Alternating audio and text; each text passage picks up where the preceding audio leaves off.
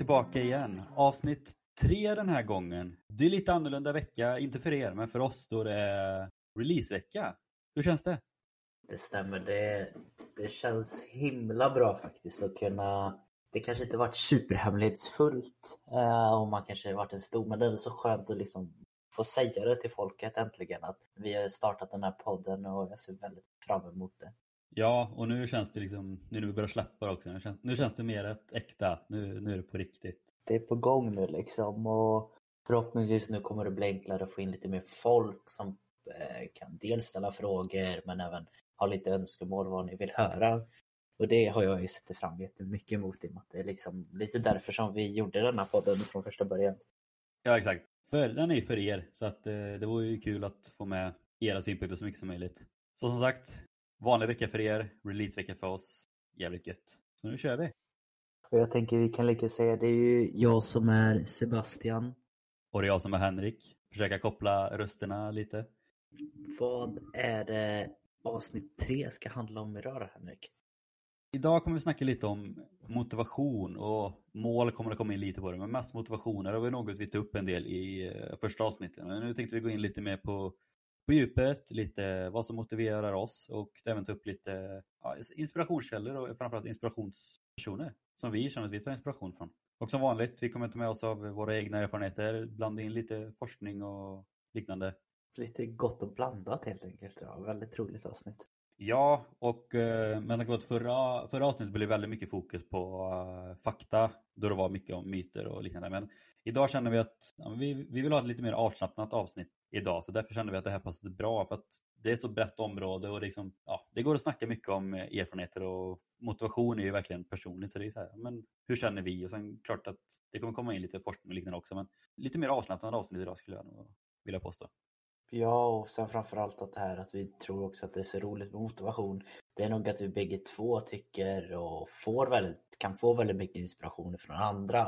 Och vi vet av att det är många som är tacksamma utav att bara få kanske en liten extra spark i rumpan för att komma igång med vissa saker. Och det är kul att sånt här kan hjälpa en. Liksom. Ja, och det är ju liksom utan motivation så är det ju jävligt tufft att komma iväg och göra någonting. Och sen, jag vet ju att vi har ju diskuterat det här lite senaste veckan också med just vad som motiverar oss. Och att eh, både när vi har pratat med andra personer så har vi fått lite kommentarer tillbaka att vi kanske tänker fel eller att när vi påstår att andra tänker fel så har vi fått lite kommentarer tillbaka. Så det ska bli lite kul att diskutera. Det ska det verkligen bli. Och bara få se vad som kommer upp liksom med allt detta. Och speciellt frågorna de ser jag fram emot idag i slutet. Ja, så häng i hela vägen för det kommer bli ett intressant avsnitt hoppas vi. Nu kör vi.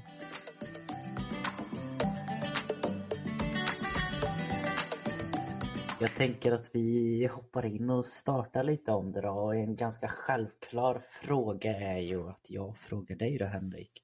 Lite vad, vart hittar du motivationen just nu?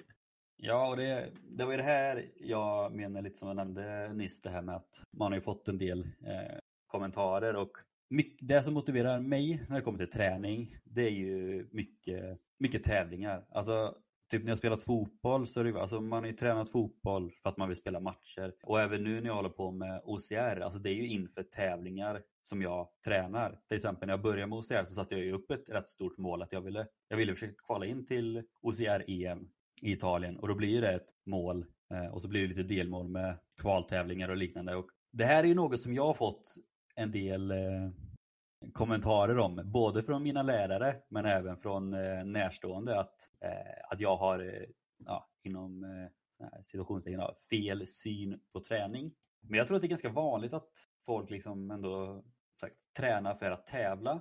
Och här vill jag bara då eh, vara tydlig med att säga att min målsättning, alltså jag, jag blir inte motiverad för att träna för att tävla för att jag ska till exempel vinna den tävlingen utan det är fortfarande att jag tränar för att jag vill bli så bra som möjligt för att kunna prestera bra i tävlingen. Så liksom oavsett om, eh, här, jag går liksom inte alltid in för att vinna tävlingen. Ett exempel är ju som sagt förra året när coronan kom, alla tävlingar ställdes in. Hela min satsning som hade pågått i nästan ett halvår gick ju i stöpet. Så där blir det nästan ett break för mig för jag hade liksom jag tränade inte på ett tag för jag hade, liksom, jag hade ingen drivkraft. Jag visste liksom inte, det, det blev som att man kom i tomrum och visste inte vart man befann sig riktigt. Jag vet inte om du har känt, känner igen dig i något liknande? Jo, alltså jag skulle säga, jag, jag, på det sättet tror jag att vi är två ganska lika och det är väl kanske mest ifrån våran träningsbakgrund. Att för oss har det omedvetet från start alltid handlat om att du ska, du ska prestera och pressa dig på träningarna för att det ska ge resultat på tävlingarna på helgen oavsett om det varit handboll för mig eller kanske mer fotboll mot dig. Så vi har mer liksom eh, kommit in i den eh, bubblan ganska tidigt från start. Det jag tycker det är intressant är också att höra med just den här skillnaden att ja, men det är fel fokus. Och det är väl någonting som jag själv tycker är väldigt svårt att förstå att vissa folk kan tänka så. För, för mig så spelar det kanske ingen riktig roll om det är att du har fokus på att klara ett OCR-lopp eller att du har fokus på att du vill lyfta så här mycket vikt i det här lyftet eller att du har fokus kanske på att du ska se ut så här rent estetiskt, kanske tappa så mycket fett. Att jag tycker det kanske inte riktigt är en sak att gå in allt för mycket på just kanske med ett kritiskt syn och kritisera folk utan det spelar ingen riktig roll vad det är som får dig motiverad utan hittar du något som motiverar dig då tänker jag att det är jättebra. Ja, men jag tror också mycket ligger i att när man säger att man som sagt man tränar för att tävla. Jag tror att många tänker liksom då att ja, man, man går in i det här resultatorienterat klimatet att ja, men, vinna är det viktigaste. Man går in för att vinna, man tränar för att vinna. Liksom. Vinna, vinna, vinna, det är allt som krävs. Men, mm. Och det är klart att det är väldigt många som har så. Det är väldigt många som ja, blir motiverade och det är väldigt många som är inne i reklam. Men återigen, till just mitt försvar så är det sagt att jag tränar fortfarande för att tävla för att det är tävlingarna jag brinner för. Det är det jag tycker är allra roligast. Men det är väldigt sällan jag går in i en tävling, framförallt nu inom OCR som jag är ganska ny inom, som jag går in liksom att jag ska vinna utan det är snarare att i så fall att jag har någon eh, egen tid som jag vill slå eller bara, jag vill bara klara alla hinder. Liksom. Så det är fortfarande egentligen ett uppgiftsorienterat klimat som jag vill ha. Så att jag går ju som sagt sällan in för att vinna. Men jag tror att det är det folk kopplar till när man säger att man som sagt, ja. tränar för att tävla. Jo men det, det låter väldigt rimligt att det är många kopplar till och även att jag tror att eh, man tänker bort kanske lite den här kvaliteten på just det som är väldigt modernt att säga just med att man har ett mål, är, ett mål att må bra.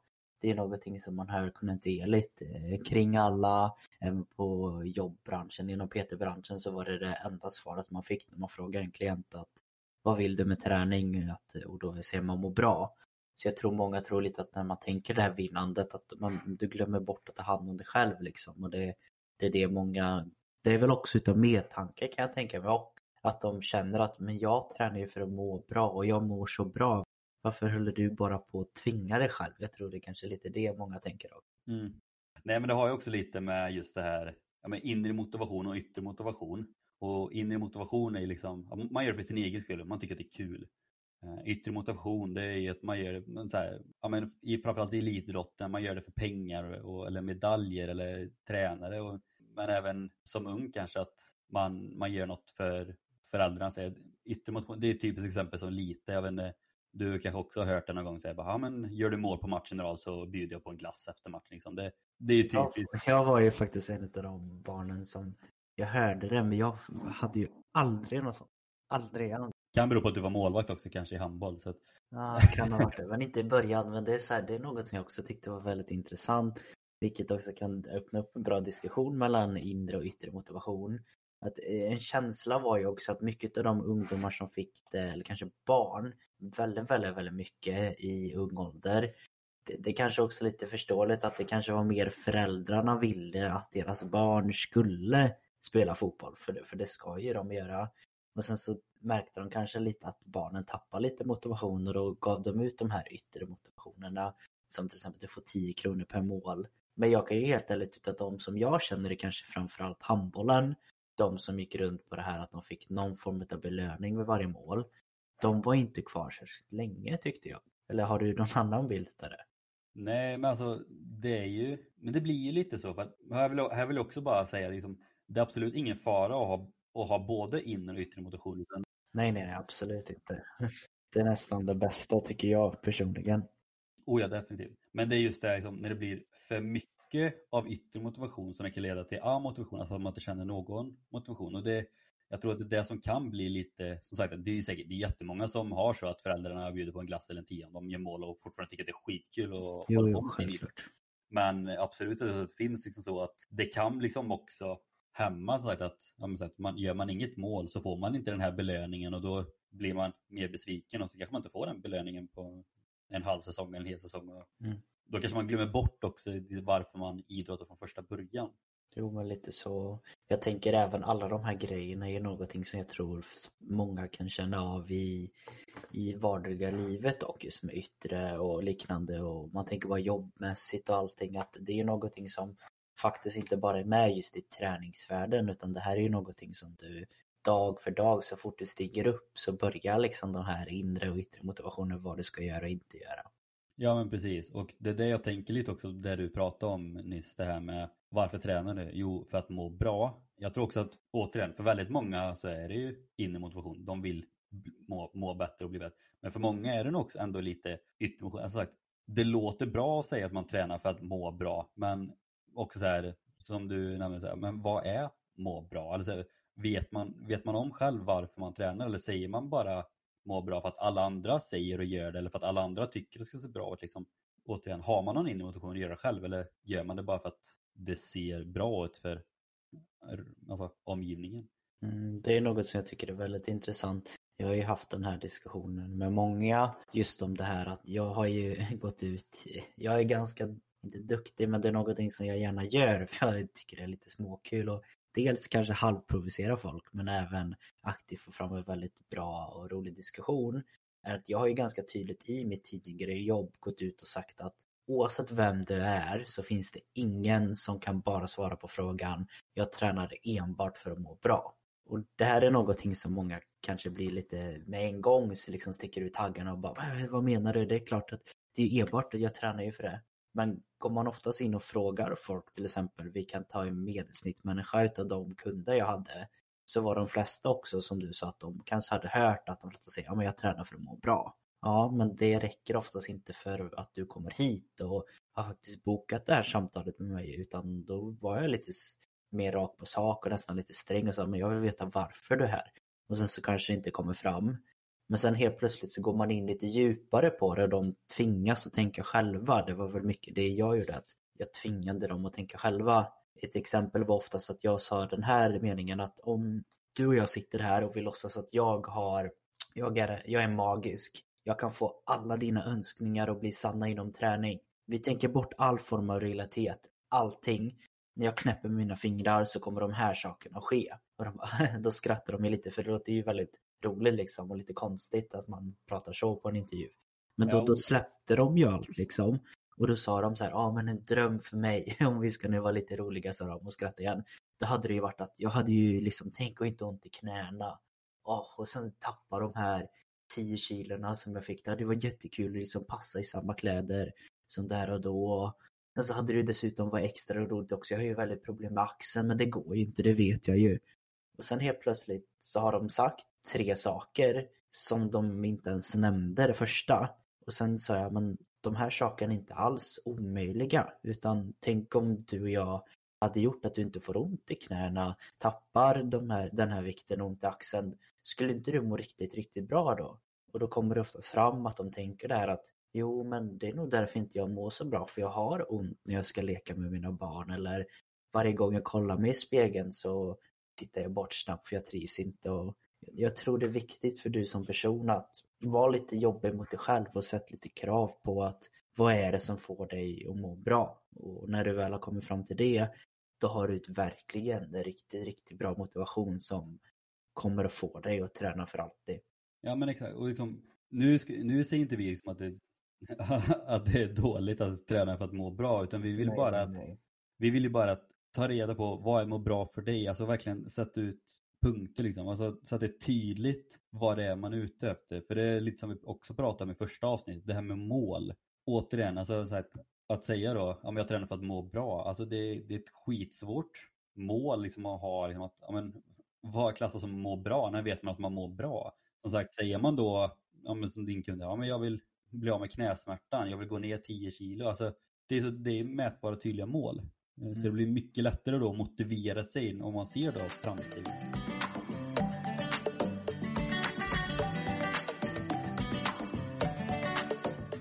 Men om vi tänker så här just motivation och sådär Henke.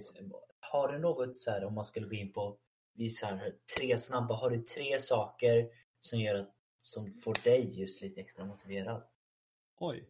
Eh, alltså om man tar lite vad jag nämnde i början med lite så här, typ tävlingar. Alltså det som främst motiverar mig är ju utmaningar. Alltså, du känner ju mig, jag är ju en sån som kan få impulser att göra lite vad som helst. Liksom, jag, jag, kan se någon göra någonting inom träningen som bara fan det vill jag göra. Eller jag kan se någon göra något inom musik och bara och det vill jag göra. Eller som senast nu bara se folk som håller på med video och foto och bara ja det vill jag göra. Och så sätter jag igång och gör det. Så att, ja, jag är liksom utmaningen, utmana mig själv. Det är liksom ja. Det är väl en av de största tror jag. Sen musik framför allt. Det, det är en stor del av mitt liv överlag och liksom det, det som är så bra med musik är att oavsett vilket humör man är på så finns det en typ en genre eller låtar för det. Så att det finns liksom alltid någonting att lyssna på. Eh, oavsett, oavsett träningspass eller oavsett om man, vad man känner eller om man bara blir motiverad. Liksom. Det finns alltid ett svar där känns det som. Eh, ett tredje, ja, men det, det skulle nog ändå vara någon, alltså en träningskompis. Alltså, har man en träningskompis tillgänglig, det, jag har ändå haft ganska svårt ibland att komma iväg och träna men har man då en kompis som säger typ att ah, men, tja, jag ska ut och springa om 30 minuter, ska du med? Liksom, då, det är sällan man säger nej då. Ja. ja men det är väl de tre. Musik, utmaningar och en träningskompis. Bra tycker jag. Roliga saker som hjälper dig. Ja. Har du några tre då om vi ska slå tillbaka frågan? Oj. Ja, det tänkte jag inte på när jag ställde frågan och få tillbaka den här men eh, ska man se. Ja, jag skulle vilja göra så här. En av de saker som hjälper mig väldigt mycket är att skriva ner det. Och med det här så kanske jag mer menar att du, du har ju varit hemma hos mig och sett min eh, whiteboardtavla eller vad man ska kalla den. Ja, den du har Minns i köket. Den, den jag har i köket ja. Så jag har en, jag har en, inte jättestor men ändå så relativt stor whiteboardtavla Eh, som jag har i mitt kök, vilket jag kommer ju, den är så pass nära min hals, jag ser den i princip så fort jag vaknar på morgonen, så fort jag äter frukost, jag ser den här tavlan hela tiden. Och där nere har jag skrivit ner mål, oavsett om det är träning eller det är en del med mitt företag nu och att jag har skrivit ner de här sakerna och det är någonting som jag ständigt påminns om hela tiden och det är någonting som har hjälpt mig extremt mycket att jag måste se det i princip hela tiden och det här klassiska visualiserare att det här kommer att ske bara jag kämpar för det.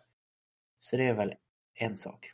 Så egentligen varje gång du går till köket eller när du går ut genom dörren så ser du liksom det här är dina mål så du, du kommer att tänka på det hela tiden. Ja, lite så. Eh, sen så har jag också, jag är ganska stort behov utav egentligen Även om skriva hjälper väldigt mycket så kanske jag helt generellt sett lär mig lite mer med synliga grejer genom saker jag ser. Och man vet ju även att man lär sig och kommer ihåg bäst ifall man ser, hör och även pratar om det. Så jag har även skrivit med synliga mål. Och med det menar jag lite samma där att det kan ha varit att antingen om man har ett kroppsmål att jag aktivt tar kort på hur jag ser ut nu. Och sen att jag tar kort kanske en gång i veckan på mig. Att man nu ser att jag blivit starkare. Kan även vara samma med, med eh, skidåkningen. Att jag aktivt har screenshotat tider från varje tid som jag åkt milen. Och det är något som jag har på telefonen så jag ser, samma, jag ser mer. Det är väl egentligen samma sak som att skriva ner. Men jag hade väldigt svårt att komma på något annat och det här är något som är så viktigt. Samma där att ständigt se en sak och med bilder eller filmer. Det är samma sak att jag, jag påminns om det. Den tror jag faktiskt är väldigt vanlig. Alltså så att oavsett om det är bara sagt, tider eller alltså, kroppsligt överlag så tror jag att det är väldigt många som har just samma sak. Att, sagt, ser man resultat så blir man ju sjukt taggad på att fortsätta. Ja. Och det, och det vet jag att jag behöver synliga mål och det är därför jag har ganska tydlig med eh, delmål för att kunna få de här synliga målen. Sen så är jag också min tredje, igen det är mycket att skriva ner, men något som jag verkligen får motivation ifrån det är eh, andra personer. Jag skrev eh, inom parentes eh, föreläsare. Och det här är någonting som om man går in på det kanske med musik och sånt att något som jag fastnar väldigt, väldigt mycket med är att istället för att jag bara enbart lyssnar på musik Sen kan jag till exempel söka på Youtube eller något training motivation, träningsmotivation. Så kommer det upp ett klipp med väldigt så här powerful musik. Att det är ganska, kanske rockigt eller så att man verkligen blir taggad utav det.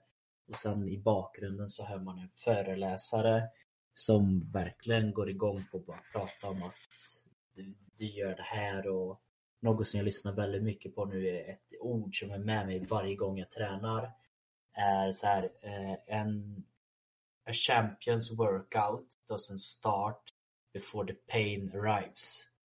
Och det är alltså att du går in med mentaliteten att all din träning som du gör, eller i det här fallet mitt, all min träning som jag gör, det gills inte förrän jag börjar må lite dåligt utav det. Att det här gör ont, jag är trött, jag vill sluta. Så sådana grejer är något som hjälper extremt mycket andra personer. Och det, det är det här jag också tycker är så sjukt intressant och just det här också att man måste hitta sina egna saker, vad som motiverar en. För jag tror ju typ, om den sista delen du pratade om det med, ja, med typ motivationspratare eller liknande. Mm. Det tror inte jag är något som hade liksom funkat på mig. Det hade nog typ stört mig. Mm. Eh, och det är verkligen bara ett bevis på att återigen, alla är olika, alla har olika sätt liksom att bli motiverade på eller hitta sitt sätt att jobba på. Så liksom, återigen, det som funkar skitbra för någon kommer inte funka för någon annan och tvärtom. Ja, så jag tror det är väl för de allra flesta att anledningen till att man lyssnar på just motivation och vad som ska motivera en är väl att testa på det mesta om du inte har hittat vad som passar dig. För till slut kommer du hitta något som passar dig lite bättre. Oh ja, definitivt. Men du var ju lite inne på det, för, eller med din tredje punkt där, liksom personer och eh, annat folk som pratar och, eller liknande. Det är om vi ska gå över direkt till det, för det, är också något vi har planerat lite att inför det här avsnittet så har vi tagit upp tre personer var som eh, ja, inspirerar oss på ett eller annat sätt eller motiverar oss. Och de är framtagna främst på sociala medier. Ja, det, det är någonting som jag har sett fram emot att få prata lite om. För mig blir det lite så här att jag hoppas att jag kan öppna upp en dörr för någon av er som lyssnar. Och bara kolla, den här personen finns ju här ute. Tänk hur extremt bra du kan må om du hade bara kollat på lite av den här, vad den lägger ut liksom. Ja, och det, det, är lite intressant också. Det kommer bli intressant också för vi vet ju inte vilka tre vi har valt. Eller vi, har, vi vet inte varandra så att det kommer bli nytt för oss också. Japp. Men det gör vi då. Ska vi köra varannan kanske? Ja, jag börjar. Börjar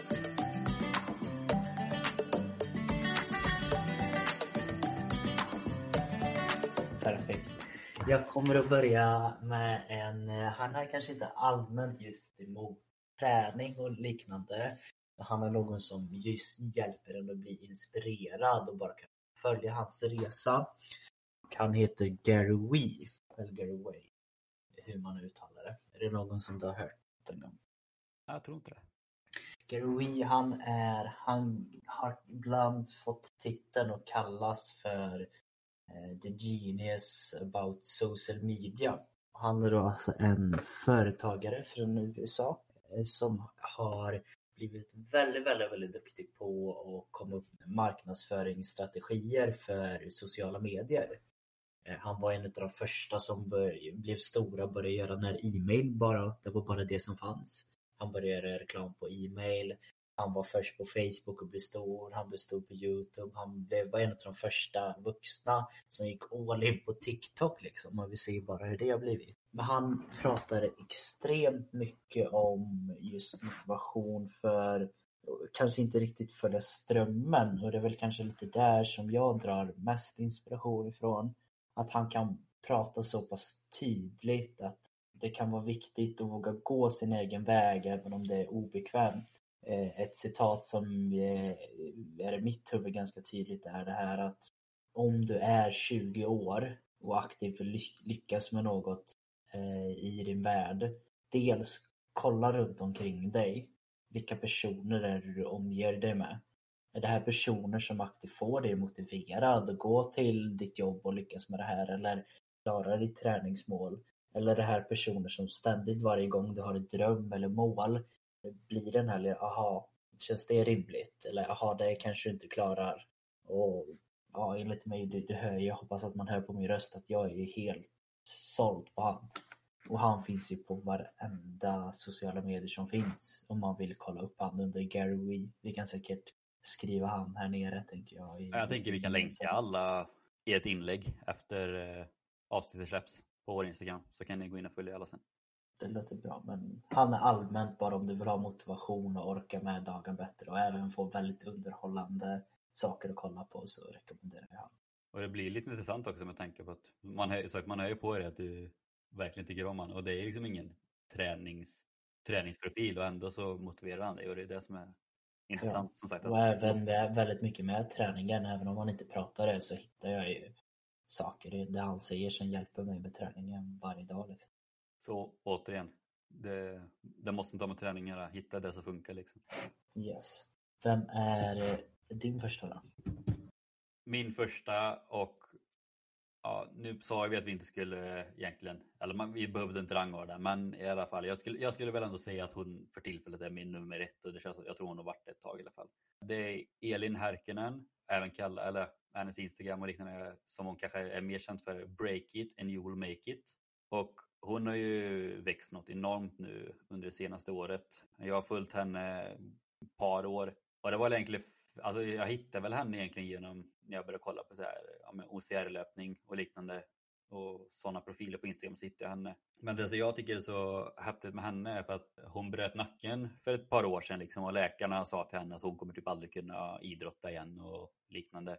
Och hon var liksom elitgymnast eh, tidigare innan hon bröt nacken och höll på med gymnastik på hästar och sånt. En riktig, riktig galning. Men liksom, trots att hon har brutit nacken och läkaren sagt att hon typ inte kommer kunna idrotta, liksom efter det så har hon liksom tagit EM-guld i OCR och varit liksom en av de bästa damerna inom idrotten och nu det senaste så var hon ju med i det här Elitstyrkans hemligheter på TV4 eh, militärprogram och mm. det är så kul med henne också för att hon är sån träningsprofil men det är samma sak där, alltså hon, hon fokuserar ju heller inte så på att så här, ska bli stor och stark eller snabb utan henne, hennes liksom mål både för henne själv men även för att sprida till andra är just det här med träningsglädje. Mm.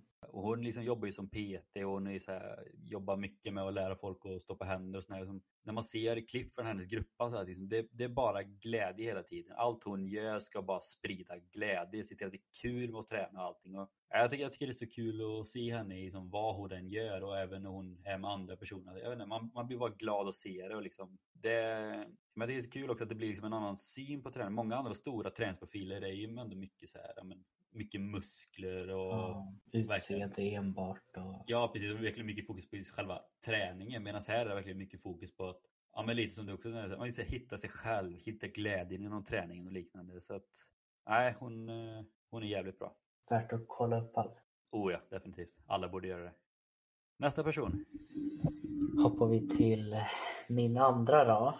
Och här ska jag se att här här kan jag göra en fuling och säga två på samma plats. Men jag kommer att börja med en och säga sen den andra stammen. Varför jag kanske vill ha med bägge två. Min nästa är Sara Sigmundsdottir. Någon vi har hört om. Jag vet det låter bekant fast ändå verkligen inte bekant. Mm. Det som kan tänkas så är bekant är att man hör Dotir och det är varenda isländsk tjej som finns på det. Så det kan vara det att man blir lite lurad. Eh, men Sara Sigmundsdottir, eller Sara Sigmund tror hon heter på Instagram. Eh, hon är en crossfit-atlet ifrån Island. Då. Anledningen till att jag har henne som inspiration det är väl på sista tiden har jag snöat mig in lite på det nu när jag har ändrat om min styrketräning. Istället för enbart så var det kanske enbart mot, mer mot strongman och styrkelyft, lyfta så tungt som möjligt. Men nu är jag mer ute efter att bli allmänt mer atletisk och då är det ju lite att man kollar kring de bästa atleterna och i och med att deras pris när de vinner Crossfit Games är att de blir kallade för the fittest man or woman in the world, alltså att de är den mest vältränade personen i hela världen då har det blivit en ganska naturlig gång för mig att hamna in hos där. Och jag tror också lite samma som du pratade innan att anledningen till att jag fastnat just åt henne är väl just kring den här glädjen som finns. Och att man kan se det så tydligt hur hon älskar verkligen den här sporten och hon älskar att träna. Och jag vet att första gången som jag fastnade vid att kolla upp vem hon är ens var, det var att jag såg ett klipp på Youtube tror jag, hon var uppe i en av de här finalerna för att kunna, hade hon, presterade hon bra på det här hitet kan man säga, eller den delen, så kunde hon bli och vinna, garanterat. Hon blev eh, världens eh, mest vältränade kvinna. Då blir det som vanligt när man ser atleter stå uppe bredvid varandra och ska tävla typ som ett race så går oftast kameran över alla dem och filmar dem. Varenda en står är liksom så här inne i modet, hoppar, skakar händerna, är liksom helt igång. Hon står där med händerna vid höften och bara står och ler. Det är det enda hon gör. Hon bara står och ler in i kameran och man ser hur glad hon är för att hon ska få träna liksom. Man ser hur glad hon är för att få göra detta. Och det, det är kanske inte just det som fastnar utan det som är verkligen intressant är att hon står och ler. Klockan räknar ner. Tre, två, ett. När klockan är, slår över och själva tävlingen börjar. Hela hennes ansikte går om på en millisekund och hon är liksom hon är där för att döda ser det ut som. Hon är där för att totalt krossa alla. Och just då var hon ju så pass form att hon gjorde det. Men att se den mentaliteten, det är något som jag vill ha med mig verkligen. Jag själv försöker på mina sociala medier att det ska vara den här glädjen men att när det väl gäller då ska det liksom vara, man ska bara älska och verkligen bara köra på allt. Hon är den som lurar alla, så när man ser henne bara, men hon är inget hot, hon, hon är bara en, en glad flicka liksom. Och sen när hon ah. kör igång så tar hon alla. ja men på ett och så kanske, sen så om du hade kollat på henne så förstår jag att man inte kanske tänker det utan hon är extremt, extremt vältränad. Hon är liksom enorm. Eh, vilket också är ganska coolt. Men jag tänker att dra in en liten snabb där också. Det är samma liknande stuk men han heter Matthew Fraser. Också en crossfittare fast man då. Och han har blivit utsatt till eh, världens mest eh, fittest man någonsin. Han har alla tävlingar som Oj. han har varit med i har han i princip vunnit. Han har totaldominerat varenda tävling han har varit med i. Han har vunnit varenda hit han är med i. Hans konkurrenter går inte in och tänker att mm, hur ska jag slå Matthew? Utan de går in och tänker hur ska jag komma tvåa? Och det är verkligen som man har sett intervjuer att de har sagt det. Men anledningen till att han är med och han växer för mig det är för att även om han är så dominant så går han fortfarande in och är så ödmjuk. Och även han säger själv i intervjuer att han kan gå in innanför en tävling och vara så pass nervös att han inte vet vad han ska göra. För i hans huvud så, är det allt, så finns det inte att han jämför sig med andra. Utan han jämför sig enbart mot sig själv. Och när han väl börjar kolla på sina konkurrenter så tänker han att de måste ju tänka exakt likadant. Att de har pressat sig själva, sig själv till sitt absolut maximalt. Och har varenda gjort det, i hans huvud, då borde de vara minst lika bra som han, om inte bättre. Och det tycker jag är en väldigt häftig tanke och som jag tror att många ska gå in med att han, man gör det bara för sig själv, man utmanar enbart sig själv. Ja, och det tror jag är väldigt viktigt oavsett vilken nivå man har. Att liksom i första hand alltid jämföra sig med sig själv och sen för återigen, gör man sitt absolut bästa, man maxar sig själv, man kan inte, om man känner att jag kunde inte gjort det bättre, då är det skitsamma om man kommer etta eller om man kommer sist för att då kan man inte göra mer utav det. Mm. Än att i så fall sikta då kanske på att ja, jag ska komma topp tre och sen känner man när man kommer, man kommer tre och är nöjd men sen känner man ändå att man hade kunnat pressa sig lite till. Liksom. Då kanske man kan ta andra platsen istället. Ja. Men jag håller med, det är väldigt intressant att så överlägsna atleter också ändå har den synen liksom att, att man ändå är ödmjuk inför uppgiften. För jag tror ja. att det också är väldigt viktigt för att inte falla ner i rang eller vad man säger. Ja, och inte bli gom med allt för högt huvud hela tiden och utan det är klart att det är jätteduktigt att göra vissa saker men det krävs också lite disciplin ibland och lite vilja för att nå sina mål. Man får det inte gratis här i världen. Mm. Precis. Din nummer två. Min nummer två eh, fortsätter lite på OCR-spåret men det är återigen en kvinna som heter Karin Karlsson. Kallas för OCR-Karin. Jag känner eh. igen det namnet på något sätt. Kan bero på för att hon är troligtvis världens bästa kvinnliga OCR-löperska. Eller mm. löpare. Kan kanske vara det då. Och det är också lite kul för att det också var så här, jag hade liksom tråkigt en dag att kolla på, jag tror att det var så typ eh, VM, om det var ja, men på Youtube, så här, VM 2018 typ. Och så helt plötsligt så var det liksom ja, en svensk. Jag hade ingen koll på liksom vilka som var bra eller inte. Jag tyckte bara det var kul att se loppen, liksom vad som fanns lite sånt. Eh, och helt plötsligt i damfinalen där så var det en svensk med i toppen. Jag bara ah, shit, det var ju liksom lite kul och sen eh, började man följa henne och allting och sen i OCR-VM 2019 eh, i London så tog ju dubbla guld och hon har vunnit EM-guld och hon har sammanlagt 12 stycken medaljer mellan 2015 och 2009 i VM. Liksom. Mm. Så att hon är ju verkligen en av de största, både inom dam och herr. Liksom. Mm. Och det är samma sak där, alltså, kollar man på hennes Instagram, det, det är aldrig något skryt. Alltså, även om hon är världens bästa så är liksom, det aldrig något skryt. Utan det är också, även där, det är, liksom, det är glädjen till idrotten. Gör allt för att det ska vara kul. Liksom. Också så här, utmanar sig själv. Men både under hennes träningspass som hon lägger ut på Instagram men även över klipp man ser för exempel VM. Liksom, ja, men lite som du nämnde med hon eh, Crossfit-tjejen där. Så det är klart att när det väl är tävling då ser man också på att det brinner ju. Hon gör liksom allt för att vinna. Mm. Men det är verkligen så här, återigen, man ser verkligen så här glädjen till sporten. Och, ja, men som bara att de brinner för det. Jag, jag tycker bara det är kul, alltså, oavsett vad det är för sport, eller alltså, det behöver inte ha som idrott att göra, alltså, så länge bara att se någon som brinner för någonting. Jag vet inte, man själv blir så mot, alltså, mm, jag skulle kunna se Ja, alltså jag skulle kunna se någon som är, verkligen brinner för typ matlagning. Till och med det hade gjort mig så här väldigt inspirerad och, och liksom köra på. Så att, nej, men det, man är väl återigen, man blir lite starstruck som en av världens bästa är från Sverige liksom. Och sen mm. att även det liksom inte är fokus på att jag är bäst utan det är snarare att ja, det är kul att köra. Och sen har hon flyttat till Schweiz nu också och det tycker jag är ännu större anledning till att följa henne för att det är sjuka vyer hon lägger upp. Ja, riktigt fint det är ju.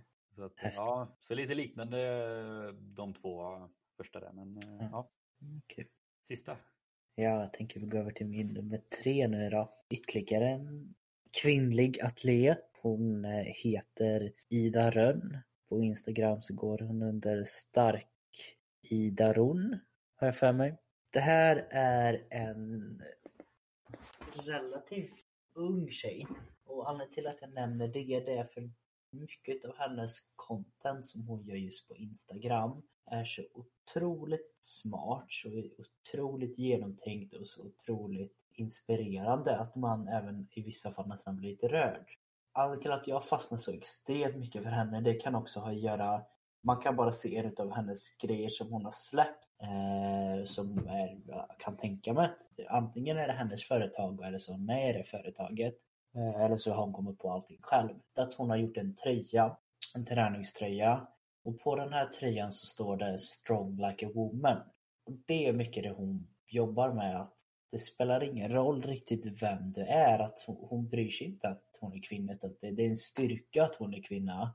Det är en styrka att hon gör vissa grejer och att man, man ska kanske ta bort den här machokulturen som finns lite där. Att ja, men vi killar, vi är starkare. Men att även kvinnor är också extremt, extremt starka. För det är någonting som jag får väldigt inspiration att se att hon vågar stå upp så mycket. Även att hon aktivt vågar vissa saker där folk kanske beter sig inte som de ska. Sånt att hon backar inte en sekund eh, för att stå upp och visa att det här är inte okej okay, eller det här är ingenting som vi tycker att man ska göra. Och att hon kring den åldern, jag kan tänka mig att hon är kanske till och med lite yngre än mig eller kring min ålder, att hon är så mogen och vågar ta de här konflikterna är något som inspirerar mig jättemycket. Men det känns som att det är något som har verkligen växt nu de senaste åren. För du vet, alltså när man själv började köra på typ gym och sånt. Mm. Då var det ju verkligen, alltså det var ju knappt så att eh, alltså vanliga pinka killar som jag vågade gå till frivikten. Det var ju alltid mm. de här stora biffiga killarna. Liksom. Men bara på några år känns det verkligen som att det har verkligen blivit fler och fler kvinnor och tjejer som börjar med styrkelyft. Jag tror att, jag, det här är bara en ren chansning, men jag skulle tro att Crossfit har en väldigt stor del i det hela. För att Crossfit är ju väldigt eller så här, välkomnande och att alla är välkomna och alla kör utifrån sitt bästa. Och det känns som att mm.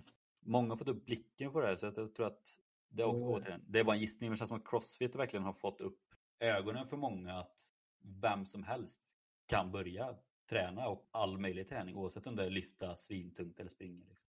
Jo, och sen så tror jag även helt ärligt lite det som hon håller på på med powerlifting eller styrkelyftning. Att i Sverige kollar man rent resultatmässigt, då hänger ju inte män killar med alls mot de svenska kvinnorna. Utan de är liksom riktigt, riktigt duktiga i Sverige och speciellt många yngre tjejer i 16-17 års åldern. Liksom de vikter som de håller på att jobba på, det är något som jag själv, jag går ju runt och drömmer om att jobba på de vikterna. Och jag är liksom äldre och har tränat ett tag men jag har ingen chans mot dem. Och det är det som inspirerar. Men även någonting som kanske därför och kollar med mer inspiration, det kanske också mycket ut mot mitt egna Instagram. Att hon är en av de första som jag har fastnat och kollat lite mer på. Som har lagt ut väldigt, väldigt mycket både bilder och eh, stories där hon pratar om allting som inte går så bra för henne. Och Det är någonting som jag har fastnat för. För det är också lite den här just med Instagram och alla sociala medier att det enda som kommer ut är ju när du har lyckats med något. Du visar ju bara dig bästa själv på sociala medier. Att nu slog jag nytt rekord här eller kolla hur nyttigt jag äter med den här fina salladen. Men det hon gör att hon kan liksom, nyss la hon ut en story där hon skulle träna ryck. Och för de som inte vet det så är det ett av de svåraste lyften som finns i styrkelyft. Där du ska på ett sätt ta upp en vikt från marken och få upp den ovanför huvudet. Det låter kanske enkelt men går in och testar det här, det, det är det svåraste lyftet som finns. Ja, det är sjukt att behålla liksom balansen där uppe. Det är rätt mycket vikt ja, man ska få stopp på. Det är, ja, det är det ju verkligen. Men det hon lägger ut på sin story är när hon aktivt har försökt att filma ett klipp där hon ska slå ett rekord. Men hon lyckas inte. Och hon har jobbat om och om och om igen. Och hon lägger även ut en bild där, hon, där man aktivt ser att hon sitter och gråter. För att hon, hon har velat det här så mycket men hon har liksom misslyckats. Och det här träningspasset så fick hon inte upp den här vikten. Enligt henne är det ett misslyckande. Det här är ju det kanske, ska man vara helt ärlig, 90% utav alla influencers skulle jag säga inom träning skulle ju aldrig lägga upp det här att de inte klarade det de har hypat upp att de ska klara.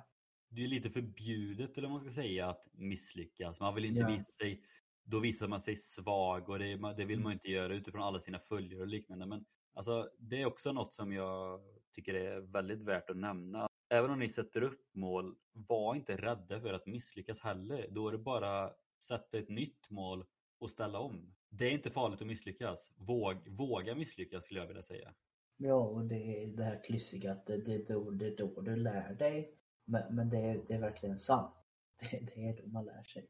Ja, om man inte vågar misslyckas eller att man är liksom rädd för det. När det väl händer då, då blir det ett jäkla påslag. Om man då ändå har vant sig vid det och vågar erkänna för sig själv att det ändå är okej. Okay, då är det inte lika svårt att ta in när det väl händer. Utan då är man snarare bara att ah, det gick inte idag men fan nästa gång då kör vi på det igen. Mm, exakt. Ja men det ska jag nog definitivt gå in och kika på för att bara, bara den grejen att man lägger så, som du säger, lägger upp att när det inte heller går så bra, det är jävligt intressant. Ja, och det är någonting som jag, eh, jag vet inte hur du har sett det, men det är någonting som jag har försökt, det är lite det jag vill förmedla på mina sociala medier. Att jag är väldigt mycket att har det gått skit helt om man ska tala riktigt svenska i träningspass, då ska jag säga det. För jag vill inte att folk ska tro att eh, min eh, resa mot till exempel nu Vasaloppet kommer att vara en dans på rosor, för det kommer det inte. Jag kommer att tappa motivationen, jag kommer att önska att jag inte satte upp det här. Jag kommer att önska att inte jag sa det här till sociala medier så folk vet det. Men något som kommer att vara väldigt tydligt är att kommer det på något sätt vara att det kommer upp hinder eller att jag slarvar eller något och inte kommer kunna åka Vasaloppet. Då kommer jag säga det att det här var ett misslyckande så jag vet om det men det var i alla fall kul att försöka. Din sista nu då? Den tredje nu, det är egentligen min största idol overall, alla kategorier inräknat och han har varit det, ja, jag vet inte hur länge, sedan eh, 2014, något sånt, kanske 2015. Mm. Och det är Tom Pettersson, fotbollsspelare. Kanske inte jättemånga av er som har koll på vem det är, men eh, han har tidigare spelat i bland annat Åtvidaberg, IFK Göteborg, Östersund var ju med när de gick eh, till Europa League och liknande. Eh, just nu spelar han i Cincinnati i MLS i USA. Men anledningen till att han har blivit min stora idol är för att han, pysslar ju både med liksom fotboll och musik. Och det har ju liksom varit mina två stora, största intressen ja, men typ hela livet. Eh, så det har liksom blivit liksom att man hittat en, en jämlik person som håller på med eliten eller så här. Inom, som, så här, han, han är en svinbra fotbollsspelare, man håller även på musik och han gör lite skämtsamma klipp och lite här. Jag tycker att det är väldigt kul och han gör liksom mycket utanför fotbollen också. Jag vet, framförallt i Östersund, för Östersund höll på, höll på väldigt mycket med med lite olika projekt in, i samhället här, med Mm. eh, ja, men, utsatta grupper och liknande. Liksom. Eh, och där var ju han också med och gjorde musikaler och liknande och tyckte det var skitkul. Och det som jag älskar egentligen mest med honom när det kommer till idrottsliga är att han är ju verkligen en sån person som är laget före jaget. Och det, för det är ju verkligen någonting som jag tycker har blivit nästan försvunnit lite i dagens idrott i alla lag. Alltså, pengar har ju blivit så jäkla stort nu för tiden. Mm. Det är ju, allt har ju med pengar att göra. Så man, det är nästan så att vissa föredrar att sitta på bänken om de får någon miljon extra. Eller de kan gå till eh, sitt lags eh, största rivaler för de får en liten eh, extra peng. Liksom. Men, men för han är det alltid liksom, laget före jag. Liksom. Även om han är besviken på att han kanske inte får spela så är det ändå så här, han är ändå där och pushar på laget och gör sitt bästa. Och han är den första att vara glad om laget vinner. Liksom. Att han har ju aldrig egentligen fokus... Nu kan ju inte jag veta det till 100% då, men utifrån vad man ser och känner så har han liksom aldrig försökt gå till ett lag för att tjäna de här miljonerna utan han har liksom gått till lag där han känner att han kan passa in liksom och där Mm. det finns ett lag att jobba med. Och det var ju det som var lite kul framförallt eh, hans tid i Östersund där de gick eh, från ingenstans och blev hela eh, Sveriges eh, gullegris. De vann Svenska cupen, gick till Europa League, gick vidare från Europa League-gruppen och fick möta Arsenal, var nära på att slå ut Arsenal eh, i slutspelet. Och det var det verkligen också så tydligt. Det var ju, hela det var ju laget före jaget och han var kapten där och allting. Så att, nej, han har varit en stor idol eh, länge och kommer troligtvis vara det länge till. Har hans tröja Mm. hängandes på väggen här och lite okänd eh, så sett men ändå han har funnits med länge. Och det är det som är häftigt ändå tycker jag och det är lite kanske därför vi eh, tar upp det här lite med just personer utan det är väldigt mycket, mycket vad ska man säga, skit kring kanske sociala medier och eh, office, vad ska man säga, personer som är utåt mot allmänheten att det klankas oftast ner på det.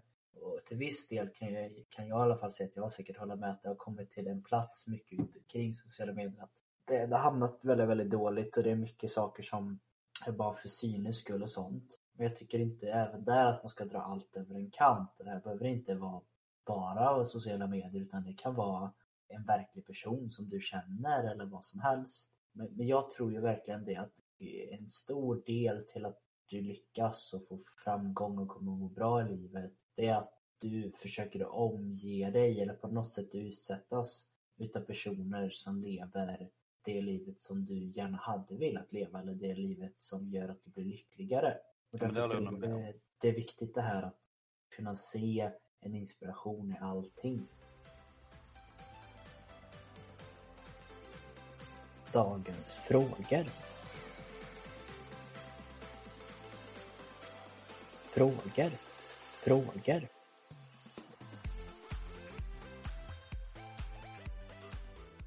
Ja, då är vi tillbaka till dagens fråga, Henrik. Let's go!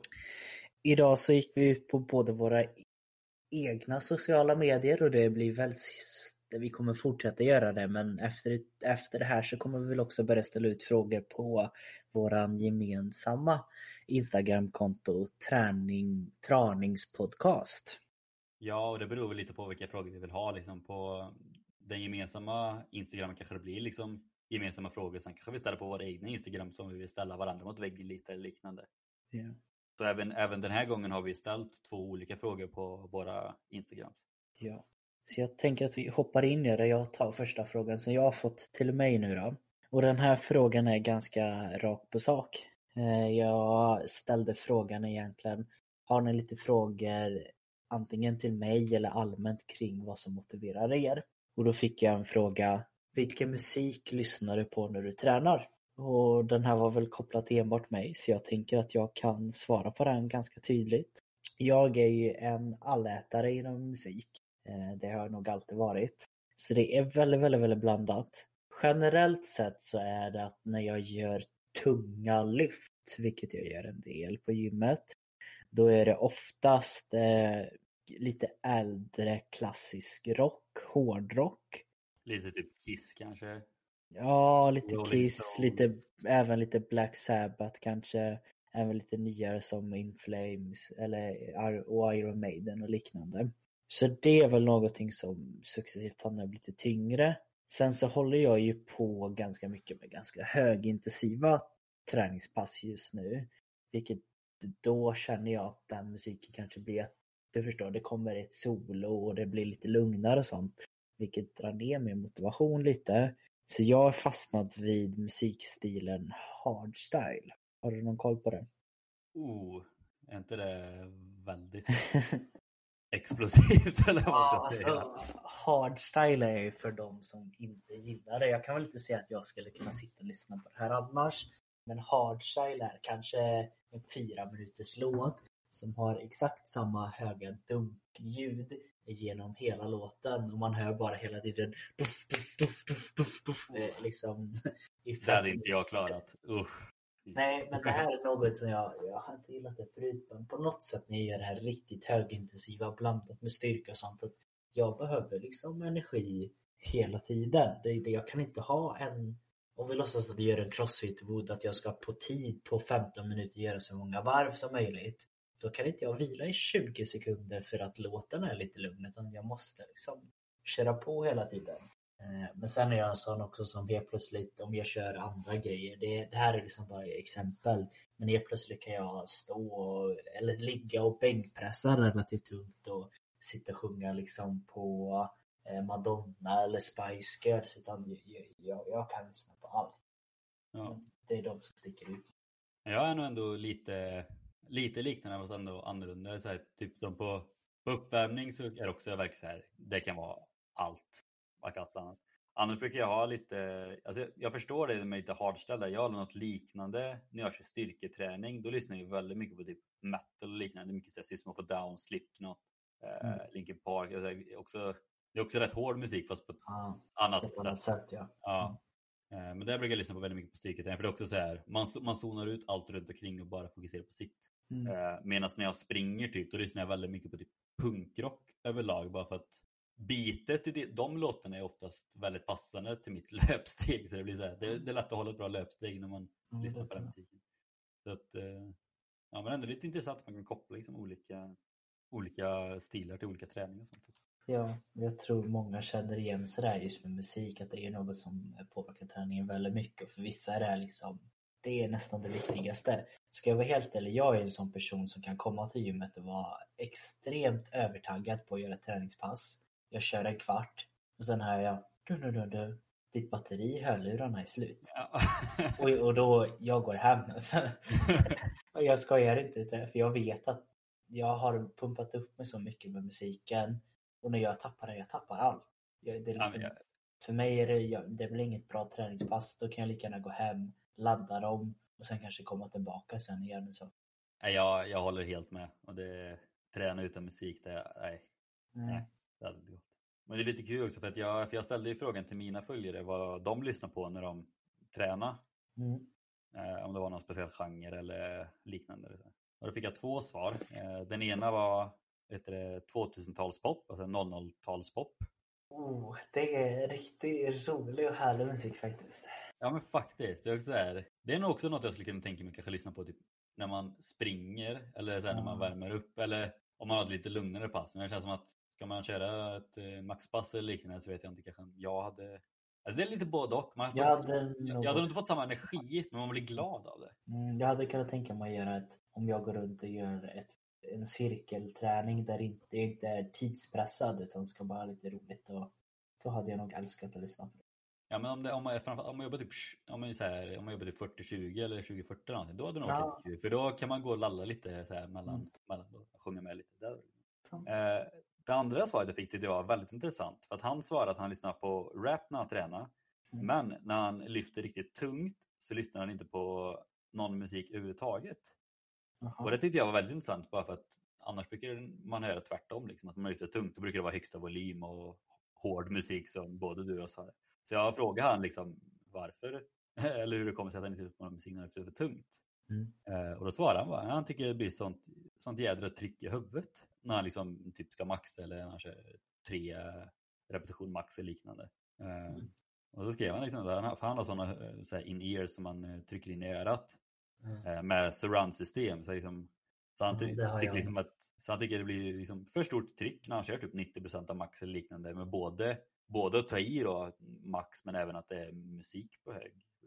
Och jag har aldrig hört det innan. Jag tyckte det var väldigt intressant för att när han berättade det så är det ändå så här, rätt förståeligt. Ja, jag kan förstå att han känner så.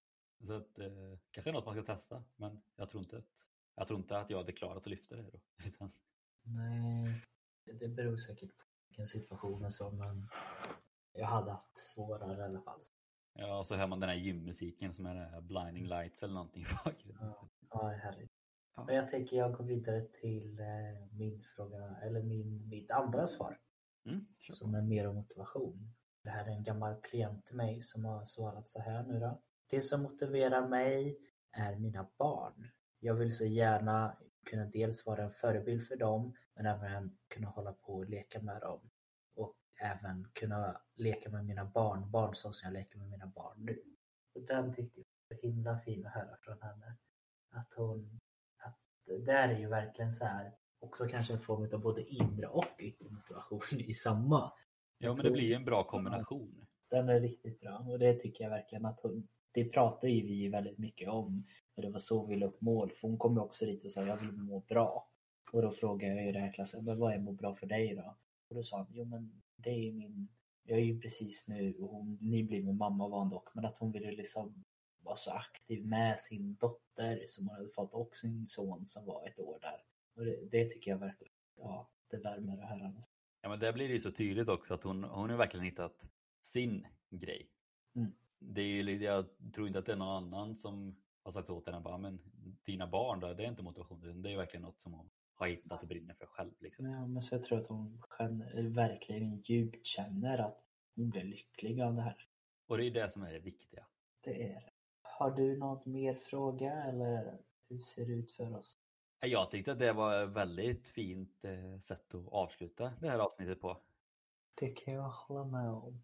Så det är bara om man sammanfattar lite kort liksom att hitta ert egna sätt, sätt upp mål men framförallt hitta en inre motivation. Liksom gör det för att ni vill det och hitta varför ni vill göra det så att det inte bara blir Tänk er det att om någon skulle komma fram till er och fråga varför gör du det här? Så ha ett uttänkt svar och var beredd på någon följdfråga och ha svar på det. Och liksom.